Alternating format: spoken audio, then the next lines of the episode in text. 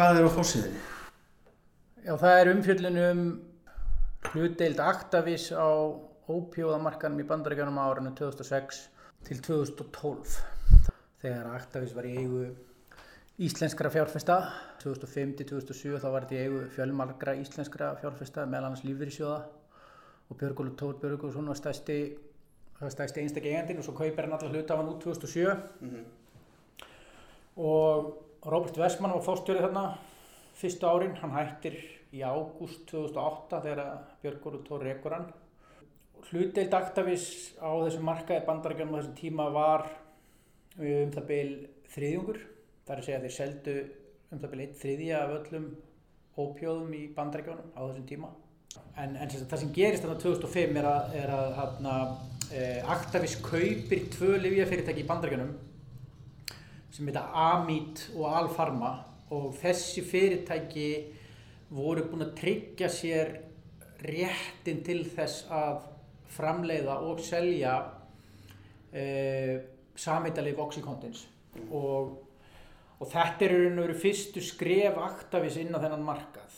Uh, þetta, þetta voru, var á þeim tíma þetta voru rísa stóra fjárfestingar í Actavis. Þið kaupa Amit sko fyrir 510 miljónir bandarækjadala Mhm. Alfarma fyrir eitthvað 810 miljónir kaupa þessi fjölu og svo bara byrja þeir að framlega þessi lif í stórum stíl. Og strax 2007 tveimur árum eftir að þeir kaupa þessi fjölu þá eru þeir sko með 38,1% markastöðl í bandaríkjum og það var stærsta einstaka árið hjá Actavis á þessum tíma. Þar sem þá var markastlutildin mest hlutfallslega séð Og í röð annara lifið fyrirtækja, eru þeir þá, hvað, eitt eða tvö? þá er það nummið tvö það var eitt annað fyrirtæki sem var hann undan þeim og, og, uh, þeir, og þessi tvö félag voru langstæst Hvers vegna höfum við ekkert heyrt af því áður að Actavis hafi verið svona stór player í þessu öllu sko? sko Washington Post þeir band, bandaríska blaðið þeir hérna árið 2019 þá fölluðu þeir mjög ítalega um þennan ópíðamarkaði bandaríkjum á þessum tíma og þeir, þeir opnuðu sérstaklega gagnagrunn þar sem hægt er að nálgast upplýsingar um alla selda ópjóða í bandaríkjunum á þessu árabili 2006-2012 og nafn Actavis kemur sannlega fram í þessum gagnagrunni og nafn Actavis kom sannlega fram í umfjöllunum um, Post á sínum tíma 2019 en það var ekkert sérstaklega gert með það að þetta var, var á þeim tíma íslenskt félag og það var bara talað um að þetta væri eitthvað fyrirtæki sem væri hérna, based in Europe eins og, eins og hérna, stóð í greinum Washington Post. Þannig að það var mjög lítið fjallað um þetta hérna á Íslandi, það var aðeins en, en það var mjög lítið. Og hérna eh, en það sem hefur gerst síðan líka er það að fyrirtæki sem á endanum eignaðist þessi fjölu aktafi sem voru að selja þessi ópjóða í bandaríkjanum Teva, sem er Ísraelst uh, liðafyrirtæki, stærsta liðafyrirtæki í heimi það er búið að uh, sættast á að greiða skadabætur uh, til einstakra fylgja í bandaríkjanum út af því hversu aðgangsharðir og stórir þeir voru í því að selja þessi lif uh, í bandaríkjanum Þannig að það er raun búið að tefa er að borga skadabætur Já. fyrir eitthvað sem var gert undir stjórn Robert Westmans og Björgvins Tórs. Já, talan á þessum livjum eiginlega býr aktavist til sem bara stórveldi e, á livjamarkanum og við, við sjáum það þegar maður sko skoða tölunar e, í hérna, ársreikningum aktavis á þessum árum þá er það sko fimmfaldast tekjur aktavis frá þeim tíma þegar þeir voru ekki á þessum markaði og þar til árið 2012 þannig að þeir, þeir margfalda tekjur sínar eftir að þeir fara innan ópjóðamarkaði bandaríkjunum.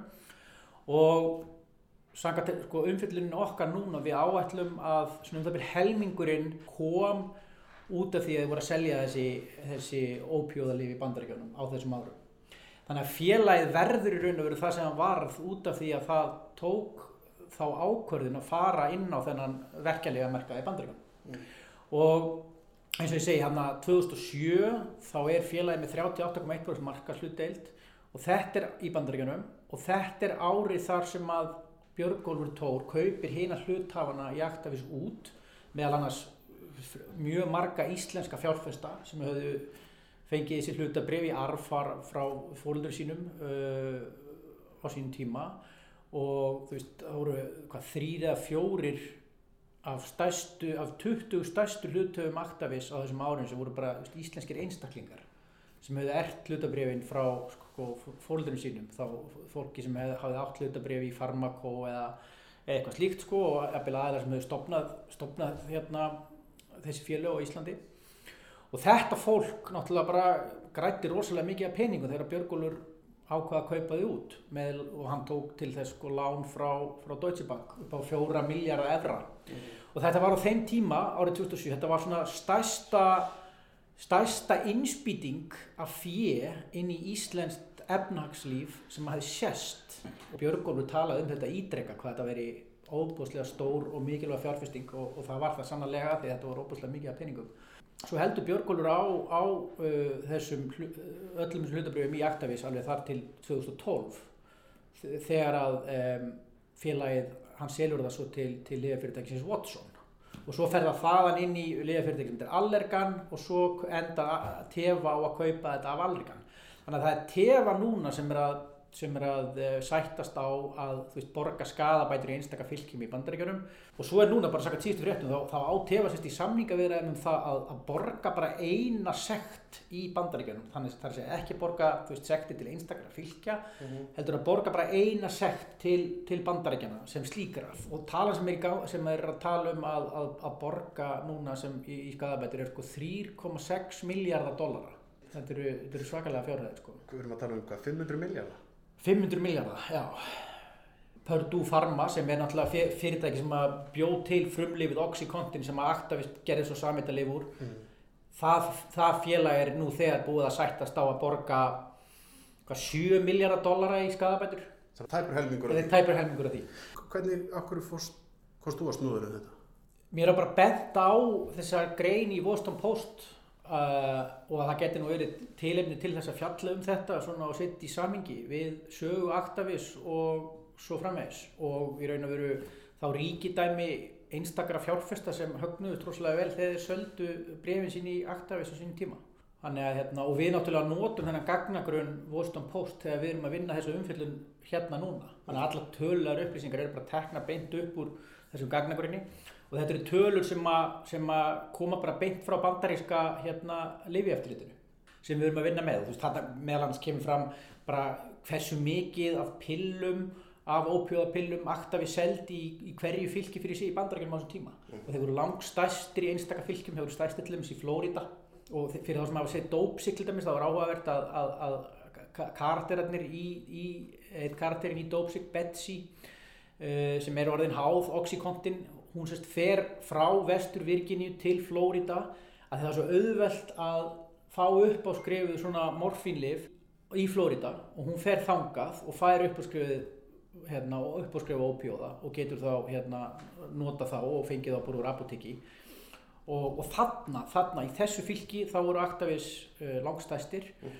og það var, í, það var sko bandarísk yfirvöld uh, höfðu samband við Actavis og slóðu á puttana þeim fyrir það að selja óbúslega mikið af ópjóðum til apoteka í Flórida. Hvernig er þetta? Þetta er 2010.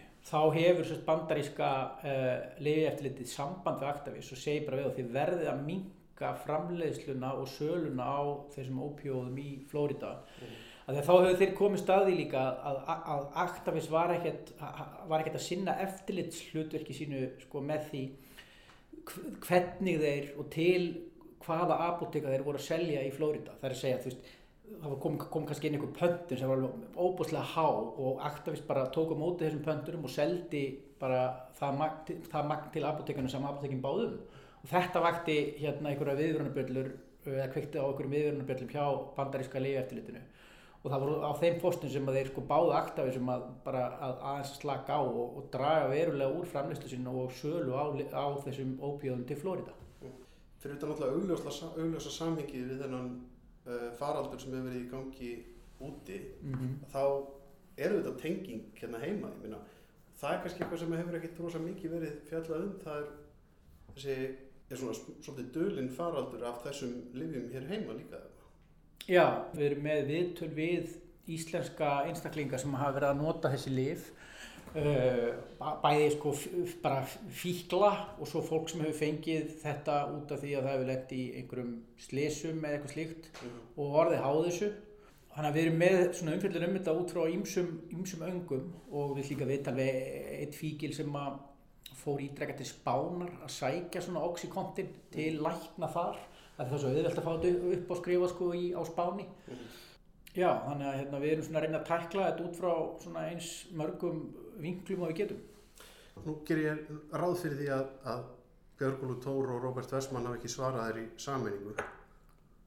Nei, þeir svöruði mér í sittur lagi. Róbert Vessmann svaraði spurningunum uh, bara lið fyrir lið og hans, svona, hans teik, ef svo maður segir, að reyna að halda þig fram að að Actavir hafi selgt meira af þessum livjum þegar eftir hann hætti mm. og hann beri nú ekki mikla ábyrð á því sko, hvað, sem, að gerðist inn í Actavis eftir hann hætti en svo þegar maður skoðar sko bara hérna sko tölu upplýsingarnar um það hversu mikið af þessum livjum Actavis var að selja þessum árum þá eins og ég sagði aðan þá, þá kemur það fram að Actavis seldi hlutastlega mest af þessum livjum þegar hann var ennþá fórstjóri 2007. Félagið hefur þessa innreið sína inn á þenn ópíðamarka í bandaríkanum á meðan Róbert er fórstjóri félagsins. Það er Róbert sem að tekur þessa ákvörðin að fara inn á þennan marka í bandaríkana þegar hann er fórstjóri og hann hefur aldrei dreyin eitt úr því og hann hefur alveg sagt að berum orðum að hann var svona aðal aðal svona strategíu maðurinn hjá Actavis þessum tíma en það var líka fórstjóri, það var hann sem var að marka það, þú veist, hvert Actavis ætlaði að stefna og ákvaða fórsundum og svo framvegs. Mm.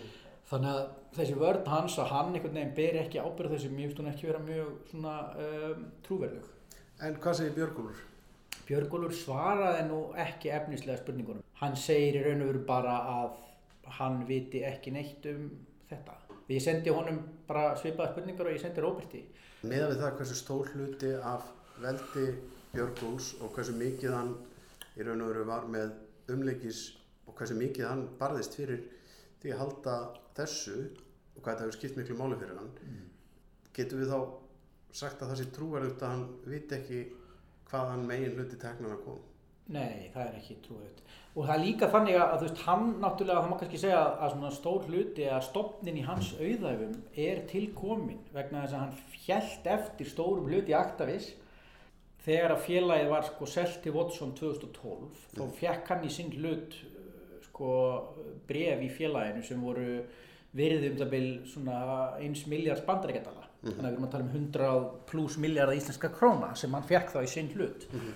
og, og virði Actavis hefði aldrei orðið það sem hann varð nema út af því að Actavis tók þá ákvörðin að fara hennan ópjóðamarkað og eins og ég segi, cirka millir 40-60% tekjum komu út af því þau voru að selja þessi verkefni í bandaríkanum og það kemur líka fram í ársreikningum Actavis á þessum tíma og Björg Góður Tór var stjórnarformar Actavis og, og, og eini hluttafinn á þessum tíma að þeir töluðu bara um það að þeir væru orðnir leiðandi á verkja stjórnunar markaðanum í bandaríkjónum. Þetta kemur bara fram í ársreikningu félagsins. Mm og, veist, og þeir voru ekki bara framlega samveitalif, heldur líka keftu þeir frumlif, mm uh, morfín frumlif sem heitir Katja mm -hmm. af bandarísku fyrirtæki 2008, í desember 2008, bara nokkru mánum eftir Robert hætti á félaginu, Robert Westman, þá kaupaði þetta lif og borguði fyrir það 175 miljónir bandaríkjadala og svo selja þeir þetta liv alveg í stórum stíl og næstu árum á eftir. Mm. meðal annars sko bara árið 2011 þá seldu þeir þetta liv fyrir sko 125 miljónir bandarækjadala og þeir tala um það í ásynningunum sínum af þessum tíma að sko morfínliv voru það sem er kölluð sko flagskipsvörur félagsins. Bara flagship products. Þannig að hérna bæði þetta Katianliv og svo líka samveitalif Oxycontins en veist þetta sýnir bara veist hversu óbúslega stór hluti af, af, uh, af rekstri Actavis á þessum tíma byggðist á því að selja þessi lif. Um, það voru flagskipsvörur, þeir töluðum um að þeir varu leiðandi á verkja lifamarkanum í bandaríkjörum og þeir vildu kaupa sér annað frumlif ofan að þetta katjarlif sem þeir voru með. Magnað. Frumlif, þú búið síma? Já. Nei, ekki. Freyr og aðastinn, hvað eru þið búin að vera að gera? Við erum búin að vera að leita, já, hverju það voru sem keftu Íslandsmáli? Var ekki búin að gefa það upp? Já. Gefa það upp og gefa það upp. Okkur tekst allavega að fara ansið mikið nánar ofan í það hverju það voru í raun og veru sem keftu Íslandsmáli heldur en sá listi sem að fólk hefur geta verið að horfa á uh, sem að, að byrtur var á, á, á síðu stjórnarásins. Hvað kemur þá í ljós? Það er dálítið margt sem kemur í ljós þegar þessi listi uh, er lóksins byrtur. Þetta er semst listi sem að Íslandsbanki tekur saman fyrir bankasýsluna og bankasýslan sendur áfram á fjármálaráðanetið. Fjármálaráðanetið ákveður að byrta það þrátt fyrir að báður þessir aðilar Íslandsbanki og bankasýslan hafi lagst gegn því. Á þessum lista eru 209 nöfn og það eru einstaklingar og lögaðilar. Eh, Það voru samt í rauninni bara 207 sem að fengu að kaupa þegar tveir voru útilokaðir og það sem við eh, ákváðum að gera er að fara með sömu hugmyndafræðu við gerðum uh, hverjir eiga sjáraðis öðlindina og skoða hverjir eiga þessa lögaðala sem að í daglegu tali eru bara köllu fyrirtæki hvaða einstaklingar er hérna á, bakið. Og við erum búin að rekja eignarhald á öllum þessum uh, fyrirtækjum uh, hérna innanlands og þau erlendu félög sem við getum uh, náð yfir og þetta eru 366 einstaklingar sem standa á bakvið þessi félög. Svo eru lífeyrissjóðir og, og, og slíkir aðilar sem að kaupa líka og þá verður þetta ekki hægt að, að hérna, rekja það neitt niður á það hverjir eru aðilar að, eða hverjir greiði lífeyrissjóðu sko og eiga þar auðvitað hagsmunna að geta. Aðsnitt sko tók þetta saman í einni setningu bara í, í gær held ég og sagði þeir sem er keift í Íslandsbanka eru lífeyrissjóðunir, það eru hrunvaldar, það eru þeir sem eiga sjárutsöðlundina eða, eða hafa hagnast á henni og það er fólk með tengingar inn í sko, stórkaupmennsku, heilsölur. Þetta eru stóru svona línundar sem er hægt að sjá þessu. Kemur kannski ekkert rosalega mikið óvart en þetta eru akkord hóparnir sem við höfum verið að sjá kaupa í raun og veru í viðlíka uh, sölum. Þetta er ekkert rosalega margir einstaklingar. Við erum búin að tella saman hérna 366 einstaklinga núna og svona án ábyrðar þá myndi ég segja að við myndum getum talið til svona 200 viðbútt og þá erum við komin með þá sem að stunda fjárfestingar einhverju, einhverju marki á Íslandi, þeir sem að eiga eitthvað á Íslandi. Þeir sem eiga Ísland. Ef við pælum aðeins í hrunvöldunum, af því þetta eru þetta ekki sjoppa, þetta er banki, hvaða nöfn vekja kannski mesta aðtegli þar, ef við tölum um þá sem er kannski komið oftast fyrir í rannsóknarskíslu alþingis? Sko við erum náttúrulega með sko, nokkra fyrrvænandi stjórnaformen Glitnis banka þarna, og nokkra sem hafa sátu í, í stjórn bankans fyrir hrun Og bankastjóra. og bankastjóra. Þú veist, þetta eru Þorsteinn Már uh, sem er nú oftast tengdur við samherja en var náttúrulega stór hlutafi í Glitni. Svo erum við með fyrirtæki sem heitir Stóðir uh, í dag, hétt FL Group þá. Uh, það, þeir áttu upp undir þriðjungslut í glitni og hafðu mikið um það að segja hverjir væru, væru þar í stjórn og, og, og hverjir, já bara hvernig bankinn var ekki inn. Eh, svo eru, eru svona minni spámenn sem eru samt stórir, stórir leikendur í, í glitnis kapalum þetta fyrir hrun. Magnús Ármann til dæmis, hann er að kaupa þetta. Pálmi Haraldsson, Bjarni, Pálmi Ár- Fons. Bjarni Armarsson. já, Pálmi Fons, já. Pálmi Fons. Eh, Svo ertu með Þorstein M. Jónsson, Steinar Kók, Mm hann var líka í stjórn bankans -hmm. um tíma. Svo er dopi af fyrirverandi sko leikil leikendum innan bankans bara í, þú veist, eignastýringu og, og bara eh, lið sem að var starfaði innan uh, bankans á ýmsum stigum sko. Mm Já, það er til dæmis eins og Einar Örn, fyrirhandi fórstur í Skeljungs sem var hérna, starf, starfaði í bankanum. Þannig að þetta er, þetta er rosalega mikið af, af, af sömur öfnunum og einmitt voru í rannsóknarskíslunni og bara allir í umfjöllun og umræðu um hrunið, aðdraganda þess og, og eftirmála. Svo er þetta fjölskylda fjármálur á þeirra, Já, sérstætt. Þá má náttúrulega minna það, því ég nefndi Bjarni Ármarsson á hann og minna það hvernig samskipti Bjarna og, og, hérna, og Bjarna Mm -hmm. voru sem afhjúpuðust þegar á stundin sagði frá glitniskjölunum fyrir uh, fimm árum eða hvað, hvað, hvað þetta er orðið sko þar sem að þeir voru í, í, í, í töluverum samskiptum bara í, í tölupostum um eitt og annað varandi rekstur bankans og, og fjárfestingar sko. Á þeim tíma eins og afhjúpiðast í glitni skjólunum og rannsóknarskíslunni að þá var bankin náttúrulega nátengdur sko, aðilum stórum leikendum í stjórnmálum. Og það er erfitt að segja það núna á þessum tímapunkti að það sé einhvern veginn að gerast aftur en þegar að listin er byrtur og, og, og þú sérð hverju standa á bakvið þessa, þessa lögaðila, þessi fyrirtæki sem að kaupa að þá fer hugurinn daldið tilbaka þannig að minnið daldið á þessi miklu tengsl sem að voru á sinni tíma í glitni. Er ásakinn að stilla þetta þannig upp að það séu allir að nema Hannes Márásson? við erum ekki búin að finna Hannes allavega. Hver veit samt sko. Það eru náttúrulega erlendir aðilar Já. sem að við höfum hérna, takmarka svona takmarka tök á að að krifja alveg hverju koma að sko. Það hefði þó fundið út til dæmis að í gegnum ellend eignarhald eru þarna uh, eigendur af öðrum banka sem að eru exista præður sem að já, áttu nú þátt í hérna já, eða allavega eru, eru sterklega grunar um það að hafa átt aðild að því þegar að þessi hákvæmd áfásur flétta mm fór í gang já, það er náttúrulega eitt af því sem að fengið er með breyttri framsetningu á fyrirtækiskrá mm. og þessari kröfu sem að skattinu gerir núna á að endanlegir eigendur séu skráðir Mhm. af því að eignarhald þeirra til dæmis fer úr erlendum sjóði uh, yfir í Íslands engarlutafélag sem þeir þurfa þá að gefa upp, upplýsingar um hverjir eru endanlegir eigendur að. Uh, þannig að það, það gerur okkur kleift að skoða það.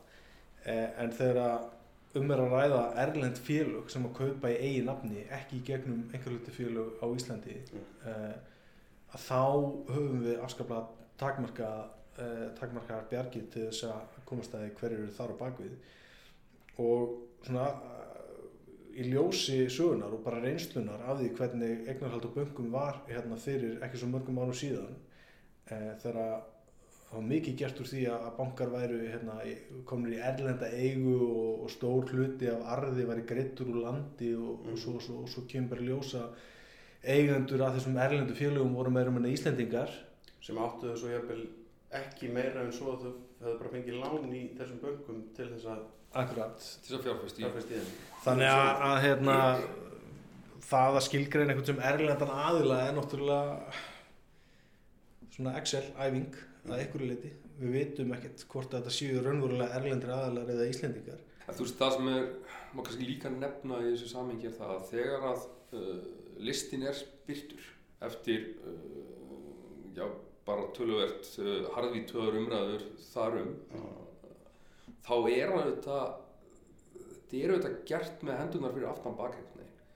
Við fáum, og við og bara, og allur almenningur, fær að sjá hverju þetta eru, en til þess að komast að því hverju í raun og veru þessir einstaklingar eru sem standa baki þá er ég og aðastur búin að leggja í sko verulega mikla vinnu handavinnu að leysa úr því hverju þetta er.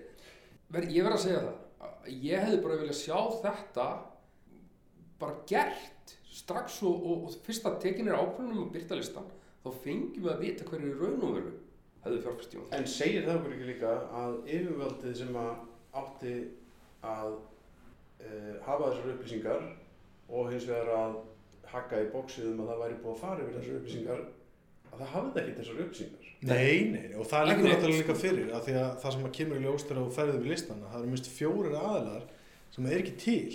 Mm -hmm. einn aðili sem kaupir heitir vinnudelusjóður hvaða vinnudelusjóður til dæmis?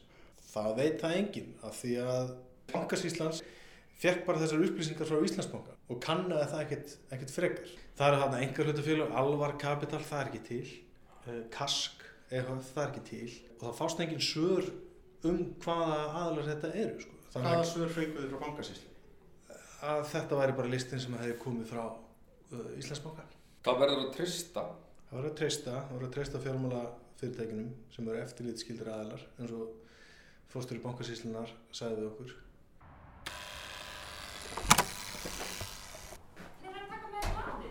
Jeps.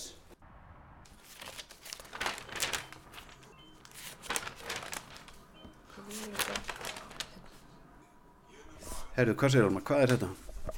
Þetta er viðtal við Alínu sem er sérst uh, flóttakona frá Hvítarúslandi. Hún sótti um sérst uh, alþjóðlega vend að hæla á Íslandi eftir hún hafi flúið Hvítarúsland. Farið til Lettlands og svo til Póllands og svo til Íslands. Mm. Þegar hún ákvaða að hún vildi koma hingað af því hún hafi skoðað sérst alls konar lönd þegar hún vissi að hún þurfti að flýja Hvítarúsland og komst að Íslandi ætti hún mestan mögulega á því að fá heilbreyðstjónustan sem hún þarf og hún er öryggjörna, hún er ekki handtekinn fyrir að viðra skoðanir sínar, uh, var í málfrælsi eða sem sagt og uh, hérna getur hún átt mögulega því að vinna með börnum að því hún hefur að læra sérkjæmslu að hún þurft að fara. Hún þarf, að flýja eftir að hafa tekið þátt í ekki, eins og svo margir í Hvítarháslandi. Það er ekki vel séð. Nei, já, emmitt. Hún, sem sagt, uh, var ekki pólitísk sem barn. Hún var ekkert mikið að skipta sér á stjórnmálum, en svo fór hún að vinna sem eftirlismæður við kostningadart í ágúst 2020. Og var sagt vittnað sagt, kostningasvindli þegar hún var að vinna þarna með framkvæmt kostningarna og lætur vita af því til saksóknarins í Minsk og sagt, bara yfirkjörsturnar. Og svo þegar úslítið líka fyrir og Lukashenko sagt, vinnur kostningarnar, það verður allir brjálar náttúrulega og hún ákveður að fara að mótmála með eftirlýsmennunum og vinnu sínum.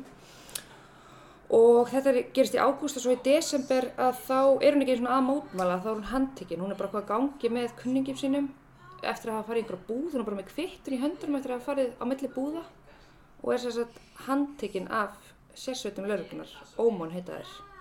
Tekinn upp í rútu, farið með henni í varðhald. Í 15 daga varðhald og er þar pinduð og uh, sett í yfirheyslur og það er sérstaklega, kemst hún að því að sérsveitin hafi komist að því hver pappinur er sem er líka pólitískur flottumæður frá Pítarúslandi. Það er útrúlega óðalega saga. Hann er stór fígúra í þessari sögu uh, flottamanna Pítarúslandi. Hann var lauruglumæður sem að kemst á snóður um það að það er einhverjar dauðarsveitir starfandi er ekki í Pítarúslandi. Mm -hmm. Það er einhverjum 2000 mm -hmm. og það verður til þess að hann, hún verður ekki rótt og hann flýr land. Þegar hann er vissum að hann sé komin á lista yfir skotverk þess að sumi sveitur hann kom upp um. En eins og staðinu núna þá á að vísinni aftur til Póllands, mm -hmm. svo ákveðnum var að vísin tekin áður en stríðið í Úgræni byrjaði. Núna eru einhverja miljónir af flottamönnum að bætast við kerfið í Pólandi, -hmm. en það verðist engar, engin áhrif hafa á það að við ætlum samt að senda manneski sem er uh, fölluð á svörtum lista yfirvalda, eftirlýst í Hvítarúslandi, langveik til Póllands. Og mér er þess að sko vinkorinnar sem kom með henni, ég tala um vinkorinnar sem flúði með henni uh, sem sagt úrskurinnum hennar uh, hann var byrtur sko eftir að stríða hóst í Úgrænu þannig að þeir ákveði ekki einu svona býða með að fresta að ég byrta úrskurinnar hæliskerfi í Pólandi var ekkert frábært fyrir þú veist að tala um það að sko Hæ Flóki Viltu að ég ít á að ég byrja eftir? Sagt, já, það er svona alls konar frásætnir frá Pólandi sem að talsmaðurinnar uh, skrifar í greinagerina fyrir útlendingastofnun. Alþjóðlega stofnun hafa bent á það að, að fólk sem fer til Pólans og, og sækir þar um hæli að það er nefnt líka í varðhald sem getur, getur sko varað bara í átjan mánuði. Og fyrir hana sérstaklega það sem hún hefur verið pyntuð í varðhaldi var það náttúrulega bara hrylling og fyrir alla náttúrulega. En þú veist hún myndi algjörlega endur upplega sko þetta tráma sem hún er ennþá eiga við, Minna, hún vaknaði ennþá á nóttunni bara með miklar martraðir þar sem hún er endur upplega atbyrði. Henni var neitað tviðsvar, bæði af útlendingarstofnun og svo kærunend útlendingamála því þessu var áfríða þangað. Mm. Og svo ákveður þess að talsmaðurinnar í, í, í samræfa hana að fara fram á endur upptöku málsins. Uh, hann fær umsökt frá þróskarhjálp og blindrafélaginu. Þau segja sko bara að það hef ekki verið tekið nægilegt tillit til viðkvæmna stöðu hennar sem fatlaður einstaklingur uh, og þeir hafi bara í rauninu veru ekki sko farið nógu vel yfir öll gögnin sem hún laði fram sem staðfesta uh, bæði veikindinnar og fallin og svo meira þess að sko höfður samband við þessi, þessi samtök, höfður samband við sýstursamtök sín í Pólandi. Þeir segja að það sé útilokka þá hún fái þá aðstæð sem hún þurfi og sjónunar fyrir bara hrakað með hverju ári sko hún er með núna 60% sjón núna, hún er 24 sko, þannig að maður getur rétt ímyndið sér hvernig hún verður eftir einhver ár. Mm -hmm.